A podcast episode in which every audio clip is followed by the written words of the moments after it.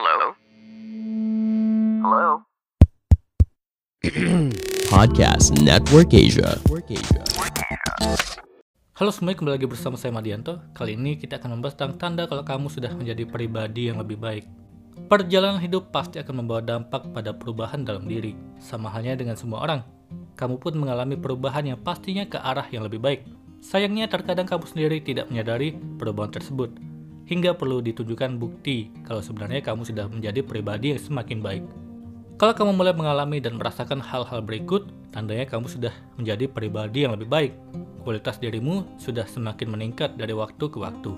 Berikut ulasannya. Yang pertama, berhasil bertahan dan melewati masa-masa sulit. Kamu pasti pernah mengalami masalah hidup yang pelik, seolah beban yang harus dipikul jadi makin berat.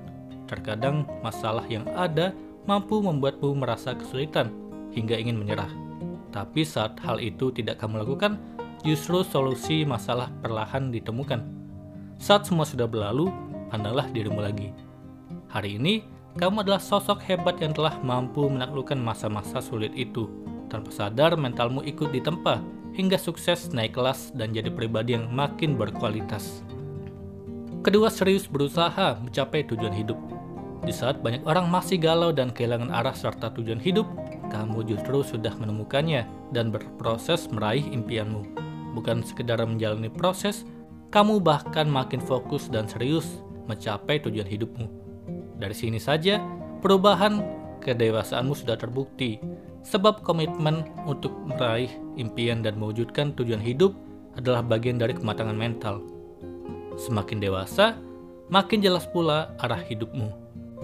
Ketiga, lebih fokus pada kedamaian dibanding kesenangan. Ketika banyak orang masih mengejar kesenangan yang sifatnya sementara, kamu justru lebih memilih meraih kedamaian. Bagimu, memberi makan jiwa dengan ketenteraman jauh lebih penting dibanding bersenang-senang tanpa tujuan yang jelas. Kamu juga mulai berhenti mencari kesenangan sesaat ketika merasa butuh lari sejenak dari masalah yang mengimpit hidup. Masalah ada untuk dihadapi, bukan malah ditinggal bersenang-senang dengan dalih healing. Keempat, mau belajar dari kesalahan untuk terus perbaiki diri masih banyak orang yang merasa dirinya paling benar hingga enggan mengakui kesalahan yang dilakukan.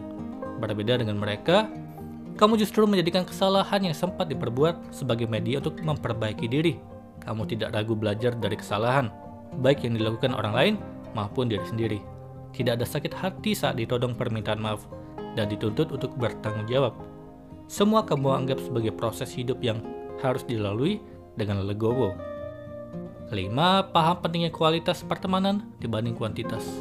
Sudah jadi rahasia umum kalau circle pertemanan kerap jadi mengerucut seiring pertambahan usia. Bukan karena tidak bersosialisasi, tapi tidak ada pengaruh perubahan pola pikir setelah dewasa, hingga teman yang sejalan terkesan berkurang. Kondisi ini kamu anggap lumrah dan disikapi dengan tanpa beban. Bahkan kamu mulai berpikir kalau jumlah teman dekat tidak jauh lebih penting kalau dibandingkan kualitas hidup hubungan itu sendiri. Kualitas tetap nomor satu dibanding kuantitas.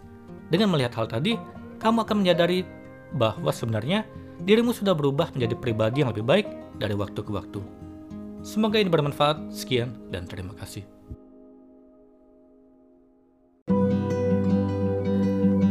Pandangan dan opini yang disampaikan oleh kreator podcast, host, dan tamu tidak mencerminkan kebijakan resmi dan bagian dari podcast Network Asia.